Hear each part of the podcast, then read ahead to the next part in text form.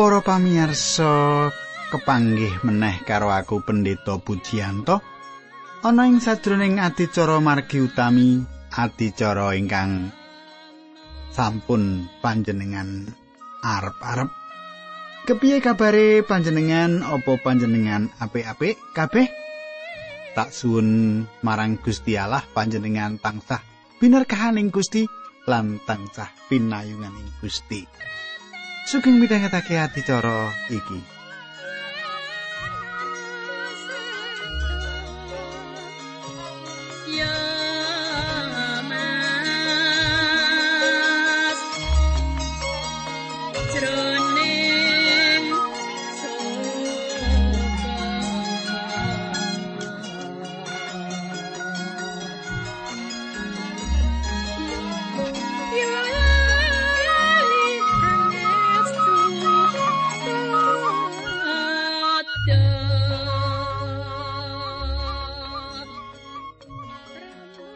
Kadangku kang dak tresnani. Anggon kita sinau bab dina riyaya ing kaimaman wis kita ngerteni ing adicara kepungkur. Mula saiki ayo bebarengan karo aku sinau lan gegilut apa sing ditindakake Allah marang umat iki. Nang sadurunge tak teruske aku ngaturake salam dhisik karo Ibu Siti Arni. Kados pundi Ibu Siti Arni menapa panjenengan sae-sae iki. Serat panjenengan sampun kula tampi lan rintang-rintang sampun balesi mbok menawi sampun dipun tampi. Nah, katangku, aku wis ngaturake salam karo Mbak Siti Arni utawa Ibu Siti Arni. Monggo saiki kita ndedonga. Duh Kanjeng Rama ing swarga kawula bingah sanget dening wekdal menika kawula saged tetunggilan kalian sederek-sederek kawula ingkang setya midhangetaken adicara menika. Paduka berkahi adicara menika linambaran asmanipun Gusti kawula Yesus Kristus kawula ndedonga haleluya amin.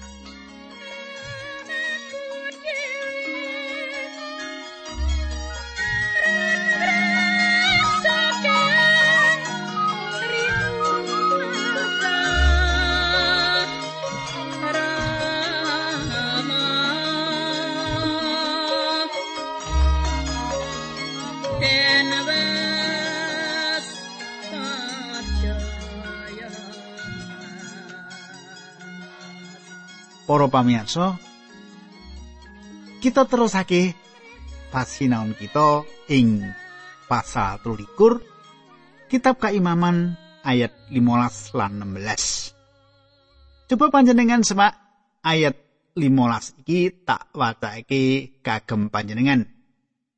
Wiwit dina sawise sabat ya kuwi wektumu nyaosake gandum saunting sing kawitan ngetungo pitung minggu wutuh ing dina kaping 50 ya kuwi sabat sing kapitu kowe kudu padha nyaosake gantu meneh kunjuk marang Allah. Katengku. Rong ayat iki njlentrehake bab dina pentakosta. Ana bab-bab sing kudu kita catet dina pentakosta iku diwiwiti dina sing sepisanan ing minggu iku. Banjur diitung pitung dina sabat candhake ya kuwi dina sing kaping patang puluh songo nuli dina sing kaping 50 sedina sawise iku dina Pentakosta. Ing dina iki Israel kudu nyaosake kurban tetanen marang Allah saka asile panen sing kawitan. Nah katangku coba kita semak para rasul loro ayat siji, loro lan telu. Aku bang bandingake, bandingake Pentakosta ing jaman perjanjian lawas karo Pentakosta ing jaman perjanjian balu. Coba Pak jenengan gatekke ayat siji. Ing dina riyaya Pentakosta nalika wong percaya kabeh padha nglumpuk, dumadekno ana swara saka ing langit kaya gumrubuke angin gedhe. Swara mau ngebaki omah sing tinggu kumpulan. Wong-wong mau nuli padha weruh rupan kaya uruping geni lat-ilatan mencok ing saben wong sing ana ing kono. Wong kabeh mau nuli padha kapenuwaning Roh Suci sarta banjur padha wiwit guneman nganggo basa sing beda-beda. Manut apa sing dikersakake dening Sang Roh Suci. Kadangku nalika dina Pentakosta ora ateges jam rolas awan utawa jam 6 suruh. Nalika tekan titi mangsa dina Pentakosta iku ateges jangkepi apa sing ditulis ing kitab kaimaman iki. Iki mawa teges yen Sang Roh Suci wis rawuh lan baptis para wong pracaya lan nyatunggalake lan nunggalake para wong pracaya mau ing sarirane Sang Kristus. Nuli timbalane gereja wis dumeling, wis keprungu ing uripe wong-wong mau. Lelakon Pentakosta iku lelakon lairi gereja ing jagat. Seket dino sawise Gusti Yesus wungu saka pati, Sang Rasuti rawuh. Gusti Allah terus makarya cunduk karo wektu sing ditemtokake. Israel kudu ngaturi kurban anyar marang Allah. Iku pralambangi gereja. Gereja iku sawijining patunggilan anyar sing beda karo patunggilan apa wae Gusti Yesus kaya-kaya ngagem jubah kayekten sing anyar lan saben wong pracaya sing wis nunggil karo Sang Kristus wis padha nganggo jubah anyar pakarti sing anyar ing sarirane Kristus ya kaya ngono iku nggone Allah Sang Rama mirsani kita wong pracaya sawise wungu saka pati Gusti Yesus manggi para murid nganti patang puluh dina lawase. Panjenengane uga dawuh supaya para murid ora ninggalake kutha Yerusalem kanggo nunggu janjine Allah Sang Rama iku didhawuhake sadurunge Gusti Yesus semengko menyang swarga. Panjenengane Gusti kita Yesus Kristus ngendika yen saben wong pracaya diparingi kuwasa sing asale saka Gusti Allah. Coba panjenengan semak ing Injil Lukas 24 ayat 49 ana kono ditulis lan aku dhewe bakal maringake marang kowe apa sing wis dijanjake dening ramaku nanging kowe tetep ana ing kutha kene dhisik nganti kowe padha diparingi kasekten saka ing ngaluhur banjur ing para rasul uga disebutake para rasul siji ayat 5 sebab Nabi Yohanes Baptis kowe nganggo banyu nanging sawetara dina meneh kowe bakal padha kabaptis nganggo Roh Suci. Katengku, sepuluh dina sawise Gusti Yesus mengko menyang kasuwargan, sepuluh dina candhake ing dina Pentakosta Sang Roh Suci temedhak marang wong pracaya. Saiki balik nang kaimaman 13 maneh, saiki akar moto ayat 17. saben brayat kudu nggawa roti loro kasaosake dadi sausan mirunggan kagem Allah saben roti mau kudu digawe saka glepung rong kilogram diolah nganggo ragi lan kudu disaosake dadi kurban gandum sing dieneni dhisik dhewe Sumitraku pancen ragi pralambangi kadurjanan lan ora dikeparengake dadi bagiane kurban kunjuk marang Allah. Lah, ing ayat iki ana bedane. Iki pralambangi gereja wujute korban anyar sing ing korban mau kudu nganggo ragi. Iki kepriye nalare mengkene iki? Iki pancen bab sing bener katangku. Jalaran gereja uga ana dosa. Jalaran ing gereja uga ana dosa coba panjenengan titi. Ing saben gereja ana cacate to. Malah yen kanthi cetha kita kandhake ing gereja akeh anggota warga pesamuan sing durung padha urip kaya kersane Gusti Yesus. Gusti Yesus perso iku kabeh. Perso sadurunge gereja iki ana ing bumi. Contone ana majelis gereja sing kudu dihukum marga nyolong kayu. ya dah. ana iki ning daerah-daerah sing ana ngalase yo alas gedhe jaman iki alase sik tetel saiki wis entek ya ana iku aku merangguli mengkono uga. Lho ketua majelis dateng pundi Pak niki? Anu Pak nembe wonten coba niki napa? Wah anu Pak dipun tahan nika uh, napa menika kecepenganggenipun mendet kajeng. Gitu. Lah makane iki ngendikake Gusti Yesus pirsa gereja. Ora ana sing resik ya gereja sing ana wong sing dosa gereja ya anggotane ana sing pesregep nyang gereja ning uripe urip lawas nuruti hardaning hawa nafsu. Nah saiki terus ke kaimaman 13 ayat 12 Bareng karo roti mau umat Israel kudu nyaosake wedhus gembel pitu sing umur setahun, sapi lanang siji lan wedhus Jawa loro, kabeh kudu mulus tanpa cacat. Kewan-kewan mau kudu disaosake dadi kurban hubungan kunjuk marang Allah, bebarengan karo kurban gandum lan kurban anggur, gandane kurban mau gawe renane penggalihe Allah. Ayat 19 yo nyaosno wedhus Jawa lanang siji kanggo kurban pangruwating dosa lan tempe wedhus gembel lanang loro umur setahun kanggo kurban keselamatan. Roti lan tempe wedhus gembel loro ayat 20 iki roti lan tempe wedhus gembel loro mau disaosno dening imam dadi saosan merunggan kagem Allah lan kuwi dadi bagiane imam sausan-sausan kuwi barang suci. Katanggu kabeh sing ditindakake dening Gusti kita Yesus Kristus ndadekake gereja ngerti marang kayekten sing sak beneri. Para wong percaya, wong Kristen bisa sowan marang Gusti Yesus matur lan ngaturake apa wae ing ngarsane.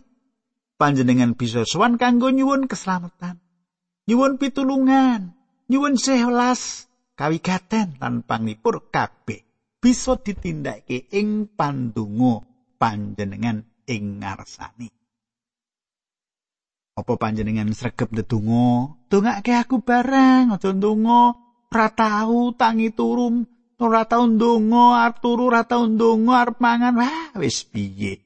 Wis Kristen seprono seprene kok ngono wae. Ning panjenengan ora ya, panjenengan sregep ndedonga saiki. Terus ke kaimaman 13 ayat 21. Ing dina mau kowe padha ora kena nyambut gawe, kudu padha nglumpuk ibadah anak turunmu sing padha manggon ing ngendi wae kudu padha netepi pernatan iki selawas-lawase. Kadangku ing wektu iku kabeh sapa wae kudu ngaso saka nyambut gawe. Ya kaya ngono cara kita yen suwane ngarsane Sang Kristus. Saiki Titus 3 ayat 5 dibandingake. Panjenengane milu jengake kita, ora mergo penggawi becik sing kita tindake, nanging mergo saka siramate piyambak kita padha dikumbah Mergo saka nggon kita kakumbah mau, kita nuli kalairake meneh dening Sang Roh Suci lan kaparingan urip anyar. Nah, saiki tak teruske ka Imaman 13 ayat 13. Yen kowe panen aja ngeneni gandum sing ana ing pinggiring palemahanmu lan aja mbaleni gandum sing kececer kuwi bagiane wong miskin lan wong monco aku pangeran Allahmu kadangku ing sadroning anak akhiraya wong Israel kudu ngelingi marang wong mlarat. Kudune saben gereja saben wong Kristen kudu duwe kawigaten marang wong mlarat, wong monco sing padha ngumbara. Jalaran apa? Jalaran kita wis nampa siramat kanthi ora bayar. Gratis.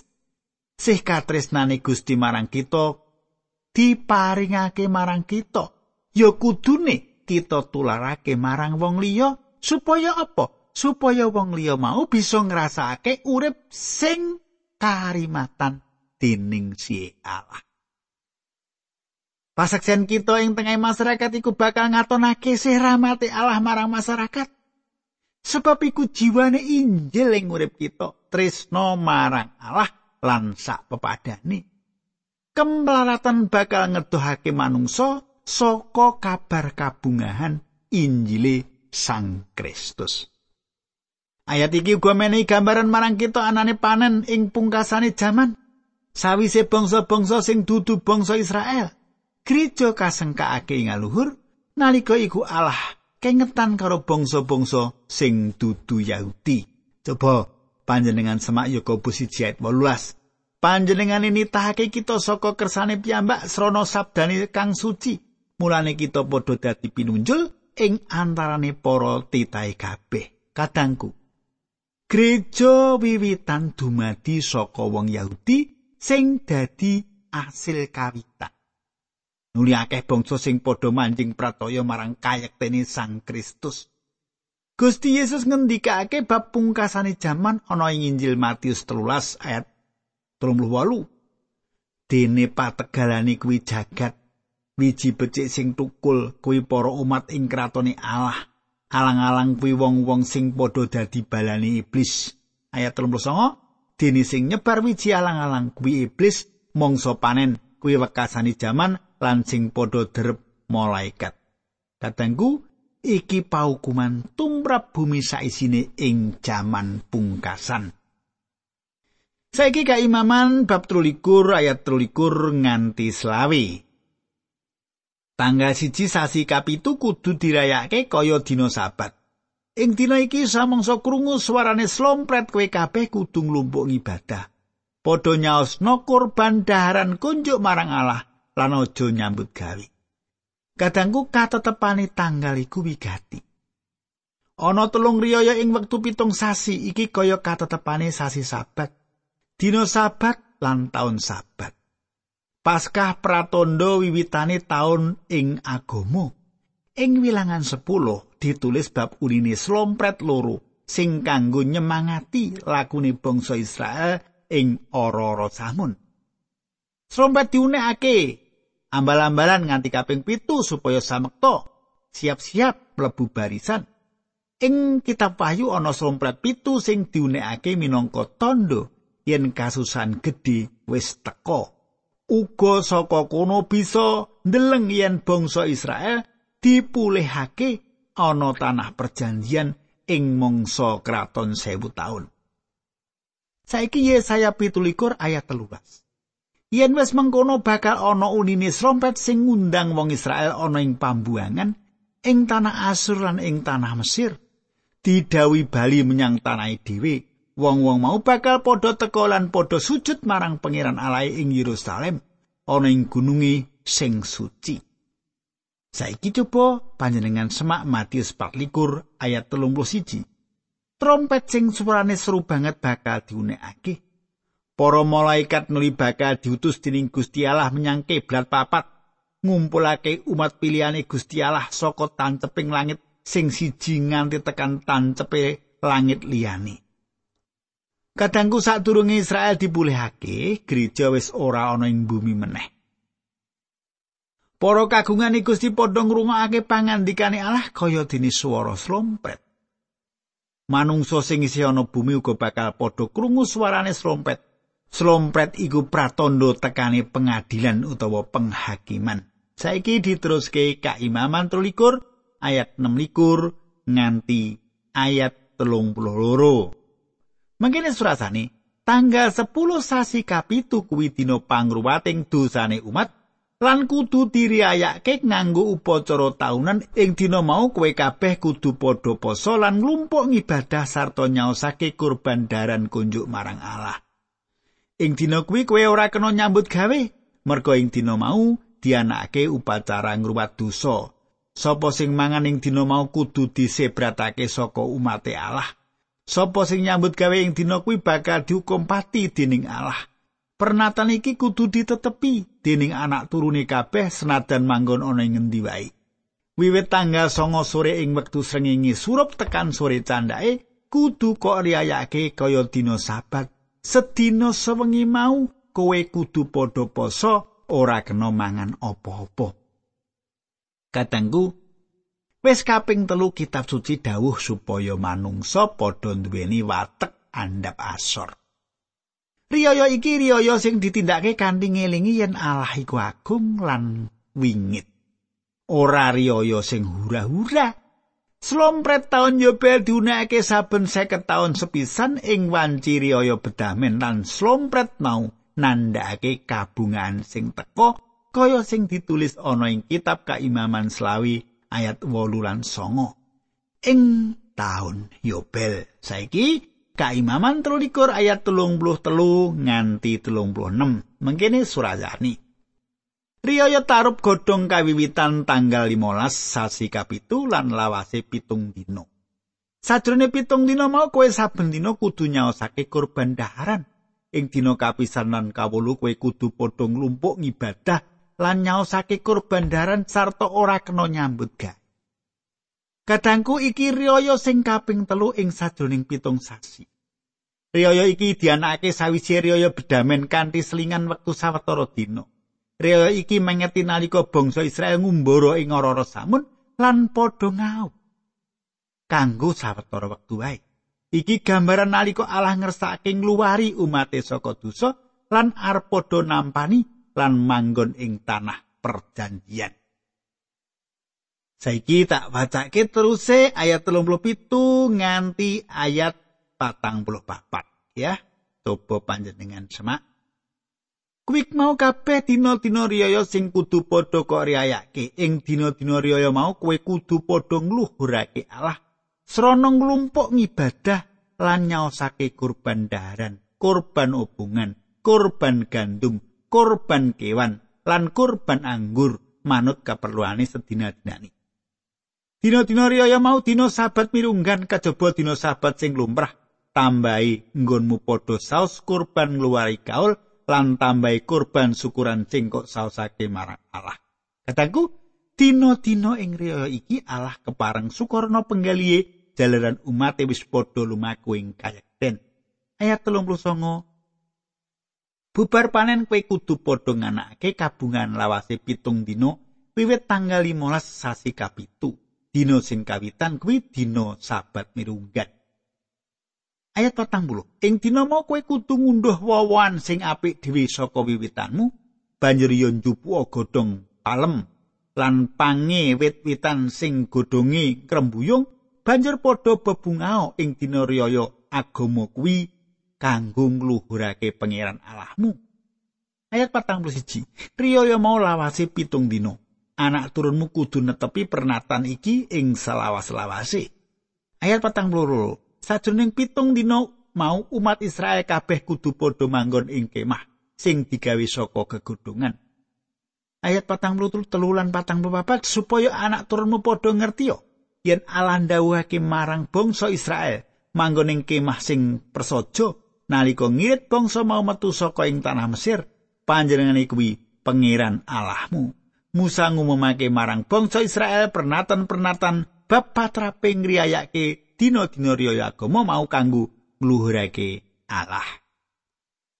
Kadangku sawise upacara riyaya bedamen, dosa-dosane Israel wis diruwat, mangsa panen gedhe wis teka lan asile padha diklumpukake, Israel padha bunga-bunga. Israel padha manggon ing tarup godhong kanggo ngiling-iling nalika mlaku ing pangumbaran ora-ora samun sing tundone tumuju marang wujude kraton sewu taun yaiku pengarep-arepe saisine bumi. Riyaya iki bakal dipengeti ing kraton sewu taun.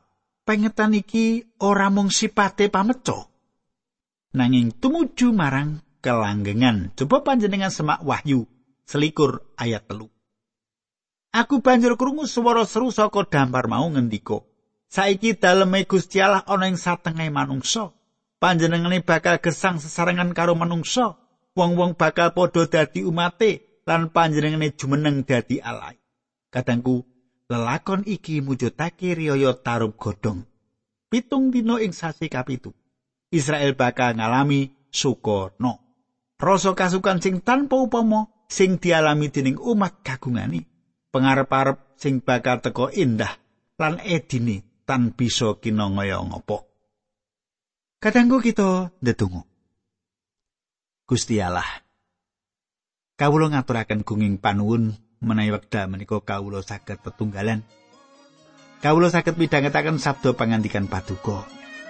Matur suwun Gusti, tinambaran asmanipun Gusti Yesus, kawula nyuwun pangandikan menika dados kegiatan kawula. Amin.